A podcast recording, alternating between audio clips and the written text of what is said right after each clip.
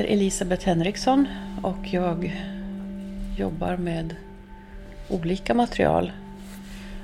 Förut sa jag alltid att jag jobbar med glas men nu måste jag säga att jag jobbar med glas och bild på olika sätt.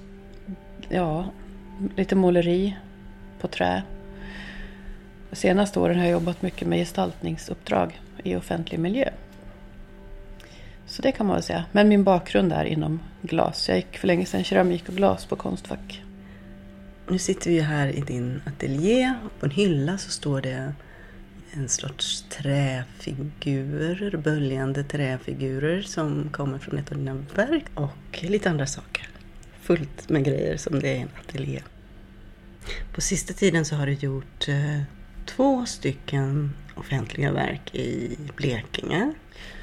Ja, men vilken, det har varit, vilken slump att det blev så. Det ena uppdraget var då för kommunen, eh, Karlskrona kommun, och det andra var för Region Blekinge. Så det är då ett verk som är på eh, Blekingesjukhuset i Karlskrona, avskedsdelen där. Och det andra verket är på ett omvårdnadsboende i Rödeby utanför Karlskrona. Och eh, jag fick lite bakgrundsinformation om Rödeby, vilket var väldigt bra.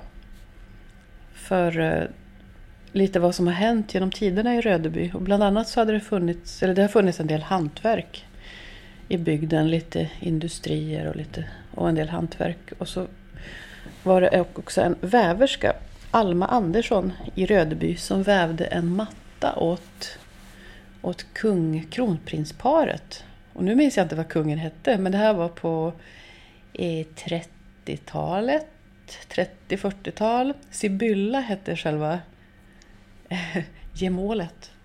Hon som skulle bli drottning.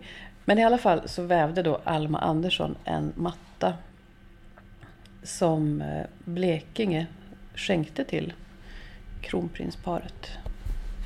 Och den där mattan utgick jag från i mitt jobb, eller i min skiss då, så att jag tänkte på någon slags väv, mjukt, böljande, som skulle gå genom huset.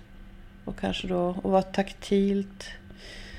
Jag ville också jobba med färg, någon slags, att det skulle finnas mjuk, mjukhet men också färg, lite kontraster i färgerna. Det är då omvårdnadsboende så det var ju människor som är eh, dementa en del och eh, ja, men äldre som behöver en del hjälp. Så att jag hade en del kontakt med, med personal och så. Eller, mm. Så jag fick veta lite om hur lite om demens också. Eh, hade du sett mattan? Jag hittade Först. faktiskt en svartvit bild på mattan i någon tidning, typ Damernas tidning. Jag gick på biblioteket och kollade på Kungliga biblioteket i Humlegården. Men det fanns ju ingen färgbild och den gick inte att hitta den här mattan. Men en svartvit bild har jag sett, men den står beskriven att det var guld och gulbruna toner. Men det tjänade mer som en, bara en inspiration i början. Jag har inte känt mig tvungen att följa. Men det verket heter En väv, ett hav. Och jag har också tänkt på närheten till havet och havet och det här mjuka, alltså vävpinnar som liksom rör sig upp och ner och ljuden som vävstolen som slår och något så här hemtamt i det. Så det var liksom mycket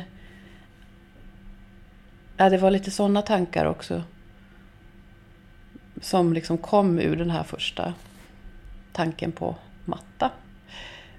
Också en väv ett hav, att det, det stora i det lilla på något sätt. Vardag kanske man tänker på. Hur kom det sig att det blev trä? Är det vanligt att du arbetar med trä? Nej, jag har aldrig jobbat med trä förut. Och nu, jag har ju faktiskt inte då stått och huggit ut de här kurvorna själv utan jag har tagit hjälp av en, en bildhuggare vid namn Christer Björkman som, gör, som är jätte, jätteskicklig. Nej, jag tyckte bara att det skulle vara skönt på något sätt med dels det mjuka i träet. Det finns en värme i materialet som jag tyckte skulle passa i de här lokalerna. Och också att det är taktilt. Att man faktiskt kan gå i... I korridorerna sitter de ju på en höjd där man kan känna på dem. Tanken är att man får känna på dem. Att man får låta liksom handen löpa i kurvorna där. Trä, ja, absolut. Trävågorna. Mm. Absolut, och de är ju målade då med äggoljetempera. Och eh, det, det ligger också en hårdvaxolja på. Så de är ju avtorkningsbara på samma sätt som möbler. Mm. Det här verket på Blekinge sjukhuset heter Tidlösa. Vill du berätta lite om det? Ja, det här var ju då ett avskedsrum där alltså då anhöriga får komma och möta en avliden, sin släkting, vän.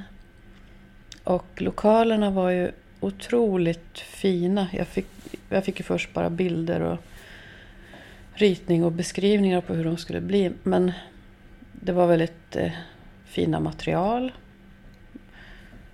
Och eh, färgmässigt så kändes det väldigt sobert och värdigt. Och så var det en, en tegelvägg, ljust tegel som bildar som en fond i, i tre rum som ligger parallellt intill varandra. Men det allra finaste det var ju då det här ljusinsläppet från ovan. Det blir som en, en fönsternisch som man inte ser när man kommer in i rummen. Man ser liksom bara ljuset som flödar uppifrån. Och eh, det var det där ljuset som jag kände att wow, att jag ville göra någonting som mötte ljuset. Någonting som öppnar sig. Öppnar sig mot ljuset. Så det var egentligen så.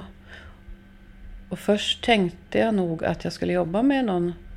Jag såg framför mig att det var kanske en mera blomlik form. Och det var så jag tänkte på namnet Tidlösa. Som ju är en växt som blommar en gång om året. Och eh, som man också använt medicinalt. Innehåller kolchikin. Jag kanske inte säger det rätt för jag har mest bara läst om växterna som är smärtstillande i alla fall. Så det var så min första tanke var. Men sen när jag började bygga de här formerna i vax så blev de lite mer fågellika. Men det tycker jag inte att det gjorde någonting. För det kan ju lika gärna bli som fåglar som flyger uppåt. Eh, men just det viktiga var faktiskt inte vad det egentligen om det är en fågel eller en blomma. Utan det var mer bara att de öppnar sig mot ljuset. Och då är det former som, ja det, om jag ska beskriva hur det ser ut så är det då ja, de här fågellika formerna som är placerade ut efter tegelväggarna, ganska högt upp på väggarna. Lite utspridda. Jag tror det var sju stycken i ett rum, en i ett rum och kanske nio i det tredje rummet. Tror jag. Och att de har kommit lite olika högt upp också. En del har kommit högre upp mot ljuset och en del är fortfarande lite längre ner. Och så är de lite, de är lite ojämna och inte helt perfekta. Men, men det ska finnas en slags rörelse i dem. Och, att de, och det viktiga är att de eh, tar upp ljuset. Det var också därför jag tyckte att det passade bra med glas. Och det är då ugnsgjutet glas som, eh, eh, som är eh, slipat. Jag har liksom slipat det lite på baksidan och lite upp till för att de ska det ska kännas som att de fångar upp ljuset och blir uppfyllda av, av ljus. Så de får liksom en lyskraft i sig själv. Så i bästa fall fungerar det så. Vad är det för färg på glaset? Det är helt transparent glas men den här tekniken då, ugnsgjutning, gör att, att glaset blir, det blir som lite så slöjor, lite vitaktigt inuti glaset. Det blir inte helt genomskinligt. Och så får du också lite så här gipsig yta ibland på ytan. Lite skrovligt, lite, lite så här vit gipsig ton. Så sitter de ju också en liten bit ut ifrån väggen. Ja men precis, de är monterade på en litet ett kopparrör. Så de sitter kanske 10 centimeter ut från väggen. Mm, så att det blir som en, en liten skugga bakom också. Det gör ju att eh, det är väldigt lätt att tänka just på fåglar när man ser de här formerna. Ja, absolut. När jag väl hade gjort dem så har jag ju, efter det har jag kallat dem för fåglarna hela tiden också. Men det här namnet Tidlösa fick ändå vara kvar för jag tycker det är ett så, det är så vackert namn. Mm. Ett avskedsrum, det är ju ett oerhört laddat rum, skulle jag, skulle jag säga i alla fall. Jag tror inte jag är ensam om det. Hur gör du när du eh, närmar dig ett sånt rum med idéer och hur du liksom närmare en sån plats? Ja, men det var ju väldigt, det är väldigt speciellt. Men dels försöker man ju sätta sig in i vad arkitekter och konstkonsult lite har skrivit. Så här, vad, man, vad man är ute efter. Och så har jag alltså just det här med att det ska kännas värdigt. Och att det, det ska inte finnas någon särskild trostillhörighet. Eller alla trostillhörigheter ska kunna vara i det här rummet. Så det skulle ju heller inte vara någon... Var, jag skulle inte göra något som blir för mycket åt någon religion. Det var mycket det här ljuset som jag gick igång på. Som jag tyckte var så fint. Som jag ville använda mig av. Besökte du rummet innan du eh, började arbeta med Ja, men det gjorde jag. Och det var ju jättebra att det fanns ett rum. För det kan ju vara så att man kommer in tidigt i en process. Om man ska göra någon konstnärlig gestaltning. Och då har man ju inte det här färdiga rummet att titta på. Men i det här fallet fanns rummet. Det var byggarbetsplats fortfarande men eh, tegelväggen fanns, ljuset fanns. Och det gör det så mycket lättare faktiskt att tänka på vad man vill göra. Jag tänker att det väl kanske är också så då att verket ändå spelar mot vädret, det naturliga ljuset där ute. Eller? Ja, men det gör det faktiskt. Och eh, det var väl också därför som vi har, som de också har, de här fågel, fågelformerna, de har också riktade spotlights mot sig. Men jag tycker att det är väldigt fint att de får, att det får vara så att de ibland glöder nästan om det kommer kraftigt solljus. Och ibland så blir de lite, lite svagare. Alltså om man bara då tänker på det naturliga ljuset. Så det är fint också att det får skifta. Mm. Jag läste om ett annat verk som du har gjort på Södersjukhuset i Stockholm. Och där är det helt andra ändan av livet, en neonatalavdelning. Ja, det har varit helt otroligt senaste, senaste tiden att jag har kunnat jobba med, eller fått verkligen möjlighet att jobba med så Ja, precis. Från neonatal till ja, omvårdnadsboende och så till avskedsdel. Det är jätte, jättespeciellt. Det är ju situationer som är ja, men lite komplicerade på olika sätt. Men det är ju, jag jobbar mycket i sjukhusmiljöer faktiskt. Man försöker ju föreställa sig hur det är att befinna sig på de här olika platserna. Men det är ju näst, det är lite omöjligt. Det är så individuellt också. Alla människor reagerar väl olika på en och samma situation. Men det var roligt med neonatal. Där visste man ju inte riktigt hur, eller konsulterna då funderade på hur ska vi få in konst i lokalen? För allting ska ju vara så... Man måste ju kunna sprita allt. Det ska ju vara jättehygieniskt och, och sådär. Så att man kan ju inte sätta in vad som helst i de lokalerna. Där är det då inte fråga om något väntrum eller vilrum eller något utan det är själva avdelningen. Ja, det är då tre stycken akutrum kan man säga. Eller, ja, behandl- nu minns jag inte precis vad rummen heter men det är de här rummen där själva de små barnen ligger i kuvöser och föräldrar vistas i de här rummen dygnet runt mellan mellan en dag och tre månader. Kommer in olika familjer.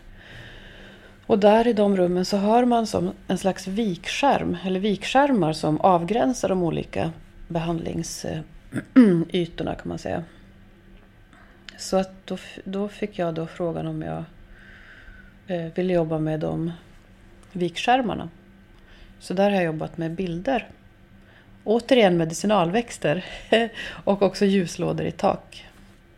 Där är det ju ett eh, färgspråk som är väldigt långt ifrån avskedsrummet som ju är väldigt nedtonat kan man säga. Det är de här eh, halvgenomskinliga glasfåglarna.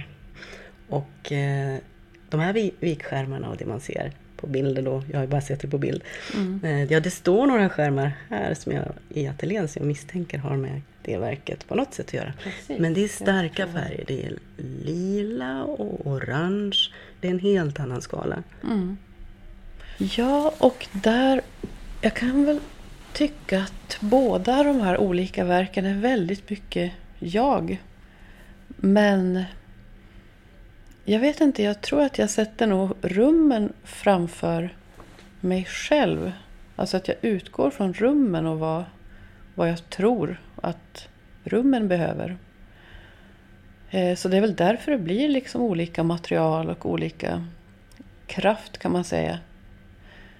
Ja, eller kraft kanske jag inte ska säga alls. Det är väl kanske samma kraft i saker fast det är färg eller, eller inte färg. Men eh, när man har på neonatal då tyckte jag väl att... att eh, eller det här var faktiskt också en dialog med de som jobbar där. Eh, jag hade nog börjat att jobba med färg, med kulörer, men kanske var lite så här, är det här för starkt? Ska man akta sig för till exempel, vad händer när det går mot så orange, rött? Är det något man ska vara ja, försiktig med så? Så jag hade gjort skisser och förslag och det de sa då, det var att de delarna som jag hade gjort som var mer färgstarka, det sa de att det behövs i de här väldigt sterila rummen. Ja, men det är bara välgörande med så här, att det blir en slags kraft i färgen också. Så det är ju en dialog med beställaren oftast. Och jag känner inte att jag gör något som jag inte vill. Men däremot är det väldigt bra att få deras synpunkter. Jag hade till exempel i min skiss gjort... Eh, jag jobbade ju med växter, med då medicinalväxter, läkande växter har jag tecknat. Men jag hade också tecknat mera rotsystem och mera ja, växtlighet, fast kanske inte riktigt lika tydliga växter. Men där hade, fick de mer associationer till moderkakor och lite, lite sånt. Och då kände jag att ja, men, dit vill jag inte riktigt gå. Så det blir, det blir en viss anpassning. Men det har jag inget emot, för det skulle vara så tråkigt att göra något och så i efterhand känna att de som ska vistas där då känner att, att det blir fel. Hur tänker du kring det att den här neonatalavdelningen behöver de här starka färgerna medan avskedsrummet verkar vilja ha någonting som är otroligt mycket mer nedtaget? Ja, hmm. Ja, ja, det är ju en bra fråga. Det var nog bara att jag inte kände att färg skulle... Det behövdes inte. Det skulle inte tillägga någonting som... Och vilken färg också. För jag funderade på det. Om jag skulle göra de här fågelformerna i någon färg. Men jag kunde inte riktigt se vilken färg och vad, liksom, vad betyder det då? Och olika färger? Nej. Jag tyckte bara att materialet i sig själv. Att i det här fallet, det viktiga var liksom att glaset skulle fånga ljuset. Jag tänkte väl eh, lite på att det, det, kan ju vara så när man är i ett sånt där rum att man, man, att man har så mycket i sig som mm. pågår mm. att man kanske behöver lite lugn snarare än energi i en sån mm. miljö. Jag vet inte. Där kanske du satte bra ord på det hela. Jag vet inte om jag alltid... Jag kanske inte tänker riktigt och ut, att um, allting uttrycker man ju faktiskt inte i ord när man jobbar med skulptur eller gestaltning. Vissa saker bara känns som att det ska vara på ett visst sätt. Men det var ju fint. Det är kanske precis så det ska vara. Att det ska finnas ett lugn där. Eh, på neonatal så när jag frågade lite om färgerna och så. eh, Till exempel. Är det liksom starka färger? Blir det för kraftfullt? Eller jag frågade om rött till exempel. Och då sa de att där är det ju så otroligt mycket känslor. Och då kan man också behöva möta de känslorna. Alltså är det för nedtonat. Då kanske alla de här känslorna som finns inom vissa då som är där får liksom ingen... De måste få möta någonting i samma... Eh, på samma nivå på något sätt. Återigen till Blekinge. De här fågellika formerna. De är inte likadana förstås. Jag menar, det är ju ett antal individuella former. Men det finns ändå någon, en sorts upprepning i den formen. Ja, är det absolut. någonting du har arbetat med tidigare? Just det här med återkommande former? Ja, men verkligen. Det är ett tema som, som jag upprepar kan man säga. Jo, men det tycker jag faktiskt om. Hur enkla former i sig själv ganska obetydliga. I sig själv betyder det inte så mycket. Men just att man upprepar det så händer det någonting. När det blir en helhet så blir det något mer. Det har jag jobbat ganska mycket med. Kan du berätta om något annat? Något annat verk? Bara som en jämförelse. Ja, men till exempel, eh, vad ska man kalla det för, någon slags glasskulptur som jag har gjort. Frusen skog kallar jag det för. Som jag också har gjort ett gäng. Jag har liksom byggt ihop många glaspinnar. Bara byggt till former. Så det blir som kanske trädstammar. Så det är väl en sak. Och sen, ja de här träkurvorna är också lite samma sak. Att det är den här böljande väven som att när det blir en större mängd så händer det någonting. De är som monterade i lager så att det blir som ränder kan man säga. Fast alla Mm. ränderna böljar, de böljar på olika sätt. Här på hyllan ser ut som Mm. de står på varandra. Men Ja, men det gör det faktiskt också när de är monterade på vägg. De är monterade intill varandra så att de sitter ihop. Ja, men det blir som garn ungefär. Man kanske byter garn. Man tar en ny färgtråd, plockar upp en ny färg och så väver man vidare. Ja, nu kommer vi tillbaka till just dem. Till den här då, vävda mattan. Eller träkurvorna i Rödeby. Det är lite som livet också, att man kanske har... Jag tänker om man har levt ett helt liv så kanske man har alla de där små garnresterna, eller det kan ju vara något annat också. Så det blir som ett lapptäcke av olika saker man har gjort och varit med om. Tider. Det är väl så man gör när man väver mattor. Man tar det man har, gamla lakan och gamla kläder och man kanske får något av sin granne. Och man, det är en fin sak tycker jag just med upprepning. Ja, upprepning kommer igen här också verkligen. En upprepning i väv. Jag tror att man eh, påverkas väldigt mycket av landskapet som man har runt om sig. Och där tror jag att jag tror jag är ganska präglad av... Jag är uppvuxen i Norrbotten och har ja, men alltid varit somrar och alla, alla årstider egentligen varit ute, på, ute i skogen vid älven. Och där är det ju liksom det här landskapet med de här ändlösa tallskogarna. Och så ljuset som finns också. Det är ett väldigt kallt ljus. Jag tror att man präglas väldigt mycket av landskapet om man, har, där man växer upp.